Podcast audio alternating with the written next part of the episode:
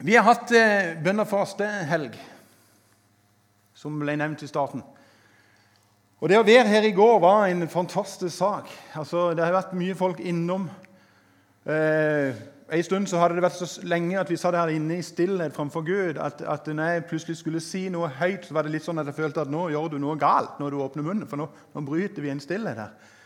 Men vi har vært innenfor Gud på hellig grunn og bedt for landet vårt, bedt for menighetene, bedt for denne menigheten, bedt for syke, bedt for ja, alt det som vi har klart å komme på. Eh, og så ikke minst så har vi takka. Takka for alle velsignelsene vi opplever i eget liv. Velsignelser som vi har sett gjennom denne menigheten. Altså, eh, Du nevnte Ragnhild, dette med søndagsskolen. Altså, bare tenk deg den søndagsskolen i dag, hvordan det har blomstra. Så har vi takka og takka og takka Han som fortsatt er på tronen, han som fortsatt er kongenes konge. Han som vi, som he, som vi har som hode for denne menigheten. Og han som vi er brud til. En dag, folkens, så skal vi ha bryllup hjemme i himmelen. Og den dagen er nærmere i dag enn den var i går. Og jeg gleder meg veldig. Uh, så jeg lurer på om vi skal, skal vi reise oss rett og slett opp og så skal vi be bitte grann og takke for, for uh, at han er her. Takk, Jesus, for det at uh, du er her. Takk for alle velsignelsene vi opplever, at du øser over våre liv. Takk for det at du er med oss gjennom alle livets fasetter, Jesus. Du er med oss når vi er på høydene. Du er med oss når vi er i dalen. Du er med oss uansett omstendigheter. Takk for det at du er her akkurat nå med din ånd. Det takker jeg deg for. Og Jesus, så ber jeg om at du hjelper oss til å ha et åpent hjerte til å lytte til ditt ord denne formiddagen her. I Jesu navn.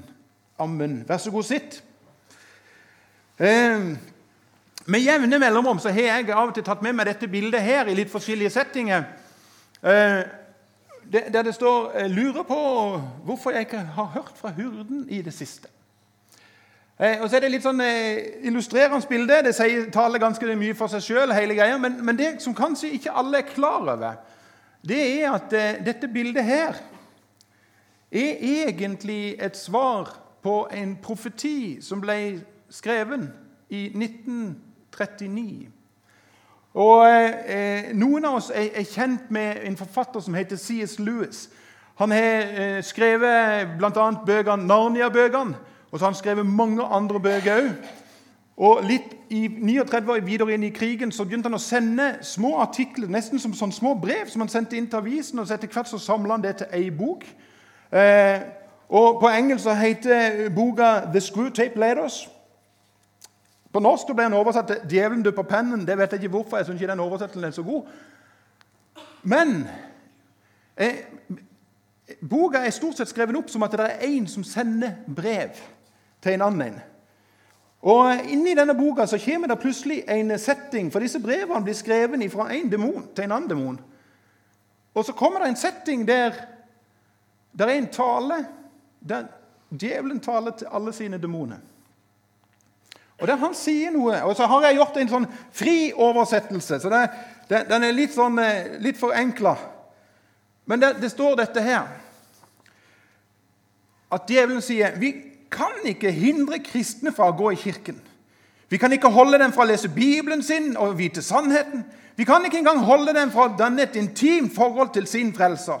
Når de har fått den forbindelsen med Jesus, blir vår makt over dem brutt. Så la dem gå i kirken. Men stjel tida deres, slik at, de, slik at de ikke har tid til å utvikle et nært forhold til Jesus Kristus. Dette er hva jeg vil at dere skal gjøre, sier djevelen. Distraher dem fra å bruke tid med sin frelser, slik at de ikke den opprettholder den viktige forbindelsen med sin frelser gjennom hele dagen. Hvordan skal vi gjøre det? ropte demonen hans. Hold dem opptatt med livets uvesentlige ting, Og finn på utallige planer for å okkupere sinnet deres, svarte han. Frist dem til å bruke, bruke, bruke, låne, låne, låne. Overtal konen til å gå på jobb i lange timer og ektemenn til å jobbe seks-sju dager hver uke, ti til tolv timer om dagen, slik at, de råd, slik at de kan ha råd til sin tomme livsstil. La det bli så travelt at de tilbringer minimalt med tid sammen med barna sine. Barna sine. Overstimuler sinnet deres, slik at de ikke kan høre den stille, lille stemmen fra deres frelser. Lokk dem til å spille radio og kassettspiller det var det jo i den tida, når de er ute og kjører. Og hold TV-en og så skriver jeg i parentes, og alle sosiale medier i gang i hjemmene deres. Og sørg for at alle butikker og restauranter i verden spiller ikke-bibelsk musikk konstant. Dette vil forstyrre deres tanker og sinn og bryte ned relasjonen med Kristus. La tankene bli bombardert med nyheter 24 timer i døgnet. Hold dem for opptatt til å gå ut i naturen og reflektere over Guds skaperverk. Send dem til fornøyelsesparker, sportsbegivenheter, skuespiller, skuespill, konserter og filmer isteden. Hold dem opptatt, opptatt, opptatt. Fyll livene deres med så mange gode formål at de ikke har tid til å søke kraft fra Jesus. Snart vil de jobbe i sin egen kraft og ofre helse og familien for den beste sak. Det vil fungere. det vil fungere. Vår plan er veldig veldig simpel. La oss skape så mye støy i verden at mennesker ikke lenger klarer å høre fra Gud. Skreven i 1939. Og her er vi i dag og kjenner oss veldig igjen. Vi har en slitsom hverdag som på en måte fyller oss, eh, og som tar tida vår. Vi har det travelt, vi har det opp, vi er opptatt. Det, det er nesten litt sånn inn å si jeg har det travelt. Og kalenderen min er helt full. Altså, vi sier det nesten som et sånn statusopplegg. Og så kommer det lille spørsmålet Er det lenge siden du hørte ifra hyrden din? Jeg har lyst til å ta dere med i en bibeltekst som, jeg, som du sannsynligvis hørte når du gikk på eh, kanskje på søndagsskolen. Eh, eh når jeg var liten, så var dette en av mine favoritthistorier. Så for det er ikke noe vi har hørt om på søndagsskolen. Eh, så hadde vi sånne små bøker hjemme. Mammaen min var veldig god til å lese bøker for meg. Og Der var det ei bok om bare denne fortellinga. Den var nesten like spennende som når eh, eh David og Goliat. Det er på en måte høyderen på søndagsskolen. Denne er på en måte på andreplass hos meg. Eh, og vi skal slå opp i Daniels bok i kapittel 6. Og vi skal lese en del vers utover der.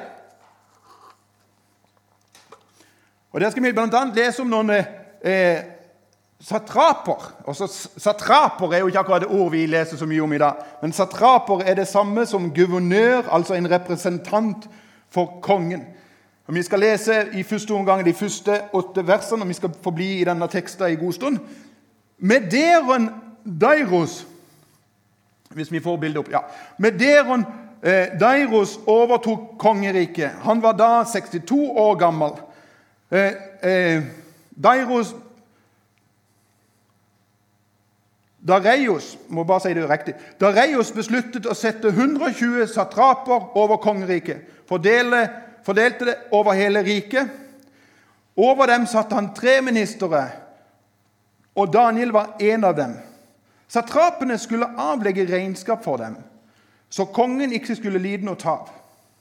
Daniel utmerket seg framfor de andre ministrene og satrapene, for det var en usedvanlig ånd i ham. Og kongen tenkte på å sette ham over hele riket. Gud reis opp en sånn ånds person igjen. Da prøvde ministrene og satrapene å finne noe å anklage Daniel for i hans embetsførsel. Men de klarte ikke å finne noe å anklage ham for, eller noe galt å si om han. For han var pålitelig, og de fant verken forsømmelse eller feil hos ham. Da sa eh, eh, ministrene må bare være på rett plass. Da sa eh, mennene vi finner ikke noe å anklage denne Daniel for. Hvis vi da ikke finner noe hos ham som angår hans religion.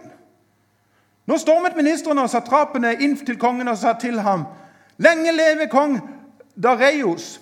Alle, alle ministre, guvernører, satraper, rådsherrer og statsholdere har holdt råd og er blitt enige om at kongen bør utstede en forordning med et strengt påbud om at enhver som i 30 dager ber en bønn til noen annen gud eller noen annet menneske enn deg, konge, skal kastes i løvehulen. Vi stopper der bitte grann. Jeg vet ikke om du fikk med deg at det er en liten sånn faktafeil i den opplysninga de gjenger med til kongen. Alle satrapene og ministrene Nei, alle hadde jo ikke vært med på det. Daniel hadde jo ikke vært med på det. Altså det, det de faktisk er med og gjør, er jo å gjøre det som er den første synd som beskrives i Bibelen. Eh, hvis du vet hva den første synden Mange tenker at den første synden som er gjort, er at Eva spiste av eple, men det er ikke den første synden som ble gjort i Edens hage. Den første synden som ble gjort i Edens hage, det er slangen som forteller en løgn. Altså Disse her sier at alle står det, alle ministrene Nei, nei, alle ministrene var ikke det. De skaper en løgn, og løgn har en utrolig kraft på mennesker. Altså Den kom fra tidenes morgen, og det er faktisk den siste synd som blir nevnt i åpenbaringsboka. Altså Gudsordet er helt enormt. Det er ingen mulighet til å forklare hvordan dette her henger sammen. Ting som er skrevet så langt ifra hverandre uten at det er en Gud som står i forhold til det. Den siste tingen som står om alene, er løgn er synd av synde står i åpenbaringen. Det første du får fra Edens hage, nevnes som løgn. Her står disse folkene her, og så sier de det at eh, alle har sagt at eh, du eh, må vi tilbe, men ikke Daniel. Og Da leser vi det neste verset der det stender dette her. I vers 11 hopper vi til. Neste slide. Så snart Daniel fikk vite at skrivet var satt opp, gikk han hjem.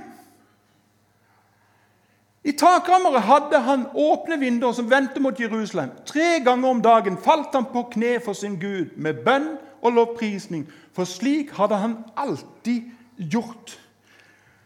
Det lille verset der skal vi lære tre kjappe ting i. Det ene er dette her at når trøbbel kommer imot oss Vi merker det av og til. Vi vet at nå er det ting i gjære det er konflikt på jobben, eller det er noe uro i ekteskapet, eller vi har en dårlig kommunikasjon med noen, vi skjønner at nå er det noe trøbbel på gang her, altså. Da skal vi lære av Daniel at da går vi hjem. Altså Ikke, ikke hjem, sånn, hjem i vårt vanlige hus, altså det, eh, der vi spiser og har det trygt, men vi går til Han som er vår trygghet. Altså han som Gud sa dette bl.a. til Moses. Moses, still deg her her er en plass på sida av meg, på klippen. Det står helt, jeg skal si det helt rett. Se, her er et sted tett ved meg. Still deg der på klippen. Og vi vet at det er Jesus som er klippen. Som sier vet du noe, du kan stille deg her på meg når du skjønner at det er trøbbel på gang. Det første du gjør, det er å gå til meg. Kom til meg, alle dere som strever og har tungt å bære, og jeg vil gi dere hvile. Lær av Daniel. Når trøbbel kommer, gå hjem til Gud med det. Det neste vi skal lære, er denne her tingen her, at, eh, at vi har et åpent vindu. Vi har alltid et åpent altså Gud har satt foran oss et åpent bønnevindu. Der vi alltid, under alle livets situasjoner, kan komme med absolutt alt framfor ham. Vi kan øse ut alt det som vi har på hjertet. Den bønnesituasjonen er alltid klar, og vi kan når som helst vende oss til Han. Og Den tredje tingen vi skal ta med rytme. Tre ganger hver dag så gikk Daniel ned på kne og ba og lovpriste sin Gud. Tre dager i går Tre dager i dag, tre dager i morgen. Uansett omstendigheter, tre ganger så går jeg inn foran min Gud og sier, 'Her er jeg.' Bønnevinduet er åpent. Jeg stiller meg inn for din trone. Og så har han skapt en rytme som går uansett livssituasjon. Mange av oss tenker litt sånn at når trøbbel kommer, da stikker vi. eller Nei, nei. Rytmen til Daniel er så innarbeida at nå er det tid for å gå inn for Gud i bønn. Og dette er vår store utfordring, folkens. Meg og dere, hver er vi like alle, for vi har det travelt. Det å skape rytme, det er ikke lett. Bare, altså bare tenk deg, altså vi som er foreldre. Vi skaper en rytme i våre barn, og vi tvinger dem stort sett i fem år for å få inn den rytmen. Og hver kveld så står vi der og tvinger dem å pusse tennene. Ikke sant? Vi gjør det. Og det rare er at vi har holdt på med det i så mange år at når de er blitt ti år, så står de der og pusser helt alene. De tenker ikke på at de skal gjøre det engang. Sånn, nå er klokka snart leggetid, og nå pusser vi tennene. For den rytmen er bare bygd inn og bygd inn og bygd inn. og bygd inn. Hvordan kan vi klare å skape rytme i våre liv? Vi kan gjøre som Daniel og lage noen sånne lange bønnesituasjoner, men mange av oss sliter vi der. Jeg sier, kan du klare å skape noen rytme? Kanskje det er snakk om ett minutt, fem minutter, ti minutter Åssen det vil være for deg, vil være ulikt for meg. Men det er du stopper opp Altså, Vi har jo en mobiltelefon, de fleste av oss. Og Det fascinerende med mobiltelefon er jo at den tar vi jo uansett når den begynner å ringe. Altså, Om du står med hendene i brøddeigen og telefonen begynner å ringe, så gjør du jo med som absolutt alt for å klare å få den telefonen opp. For nå ringer den jo! Hva om du på en måte hadde lagt inn en liten alarm? For det kan du gjøre på mobiltelefonene, som begynner å ringe på visse tider i løpet av døgnet ditt. Der du bare stopper opp og sier 'Nå har jeg en liten stund, bare Gud og meg'. Det kan du gjøre hvor som helst. Den bønnestunda kan du ta to, midt imellom to kjøttdisker på, på, på, på, Kiwi. Du kan eh, bruke tida når som helst til en kort bønn, en lang bønn, og så vil jeg si, vet du noe, Vi har jo mange gode apper på disse mobiltelefonene. En av de er en sånn bibelapp som heter YouVersion. Der kan du til og med lage egen bønnesetting som minner deg på Jeg bruker den. Der kan jeg legge inn bønneliste. Der står bønnelista mi for min familie med navn. Så ber jeg for dem, hver eneste en. Løfter de opp for Gud. Om beskyttelse, om velsignelse. For de som ikke kjenner Jesus ennå, så ber om frelse. Der ligger lista over masse av ungdommene som kommer her på Refocus. Den appen plinger x antall ganger i løpet av ei uke og sier vet du noe, det er tid for å stoppe opp for å be. Og så skaper det rytme i livet mitt. Det å innarbeide nye rytmer det tar tid, men det anbefales på det største. For det fine er at når vi stopper opp, så skjer akkurat det som Ragnhild sang om i sangen der hun sa det 'Kom og, eh, kom og sitt med meg'. Vet du, Bønnevinduet til Gud er alltid åpent. Han er alltid der. Han har alltid tid. Han er ikke opptatt. Han er ikke fraværende. Han er til stede og møter oss. Sannsynligvis husker de fleste av dere hvordan beretningene går videre. Daniel blir tatt av ministeren. De drar han inn til kongen og sier du at kongen har skrevet en lov. Den er ufravikelig.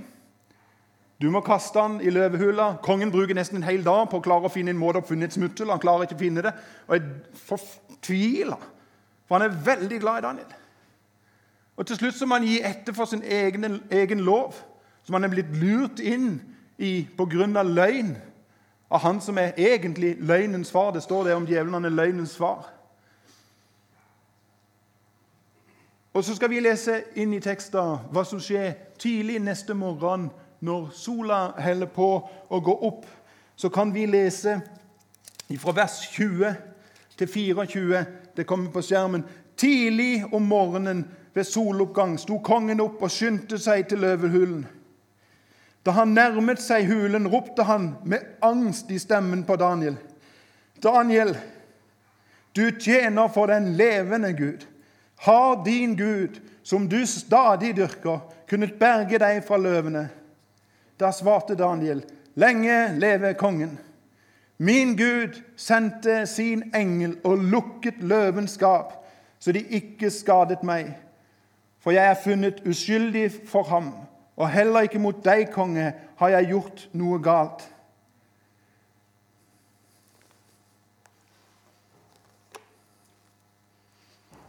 Har du noen gang tenkt på når tid lærte Daniel å stole på Gud? Daniel lærte ikke å stole på Gud i løvehula. Daniel lærte å stole på Gud på kne framfor sin Gud. Tre, dager, tre ganger hver dag. Der lærte han å stole på Gud. Fordi det var innarbeida en rytme i livet hans som gjorde jeg stoler på deg, Gud. Uansett hva som kommer med i møte. Altså, du kan lese det samme om eh, David. Det var ikke når han møtte Goliat at troa kom til stede. Nei, nei, nei. Den var kommet alene på, ute på marken i sammen med Gud. Det er alenetida for oss kristne hvor vi skaper røtter. Her kommer vi sammen og tilber og priser sammen. Men du og Jesus alene på ditt det som Bibelen kaller for lønnkammer, på ditt enerom Der dere to er alene For meg handler det ofte når vi er ute og kjører bil. meg og Jesus alene tar på han selen for sikkerhets skyld, og så har vi og han en god samtale. Og Det har hendt av og til at jeg har måttet kjørt ut til sida, for det, det har vært en åndsatmosfære i den bilen som er bare helt hellig. Det er i de situasjonene at røttene blir skapt. Trosrøtter som står seg når stormene kommer. Og De av dere som vet hva vi har vært gjennom som familie de siste årene, vet at hadde det ikke vært for dype røtter, så hadde vi muligens blåst over ende. Men vi kjente at vi har dype røtter, for det er en som bærer oss gjennom alt. Han lærte det ikke i løvehula, men gjennom fast rytme. Er det noen av dere som eh, har sett filmen 'Løvenes konge'? Fantastisk flott film. Det her lille løveungen Simba. Pappaen hans er konge. Løvekonge. Og han vet at en dag så skal han overta tronen. Så er det bare det at eh, Simba på et tidspunkt eh, roter seg litt bort. Han er ikke så gammel. Og Så roter han seg bort. Og så havner han sammen med en masse hyener. Og Disse hyenene skjønner hvem de har foran seg, og de skjønner at hvis vi tar livet av han her, så kan vi kanskje ta kongedømmet her. Og De står og og de hjertene, og så blir Simba litt sånn han, han, mobiliserer litt. Han tenker jeg er jo løve, så, så, han mobiliserer det han kan, og så skal han brøle på dem, og så blir det bare en liten sånn det blir mer som ingenting, og Hyenene ler bare enda mer. og sånt, Det er jo kjempegøy den lille tassen prøver å uppe seg. Så Simba prøver en gang til. Men,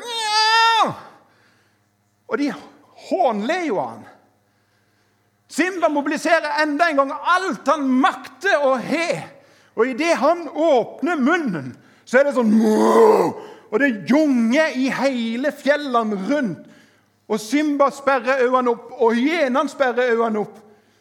For det er ikke lenger Simba sin stemme de hører, men det kommer en far inn bak han, som er mektig. Vår himmelske far er det som stiger inn på banen når vi er i kne og i bønn framfor han. Vår lille stemme kan høres så liten ut, men i han sin setting, når han kommer på banen, så blir det noe mektig noe. Det er en grunn for at vi sang i en gammel sang før i tida. Det er makt i de foldede hender. I seg selv er de svake og små. Men mot allmaktens Gud, du den venner, han har lovet at svar skal du få. Det er svar underveis. Engler kommer med bud. Om det drøyer, det fram dere skal nå. For det er lovet jo løftenes trofaste Gud. Kall på meg, og du hjelpen skal få. Kall på meg. Han kommer på banen. Min bønn for oss alle her inne at vi,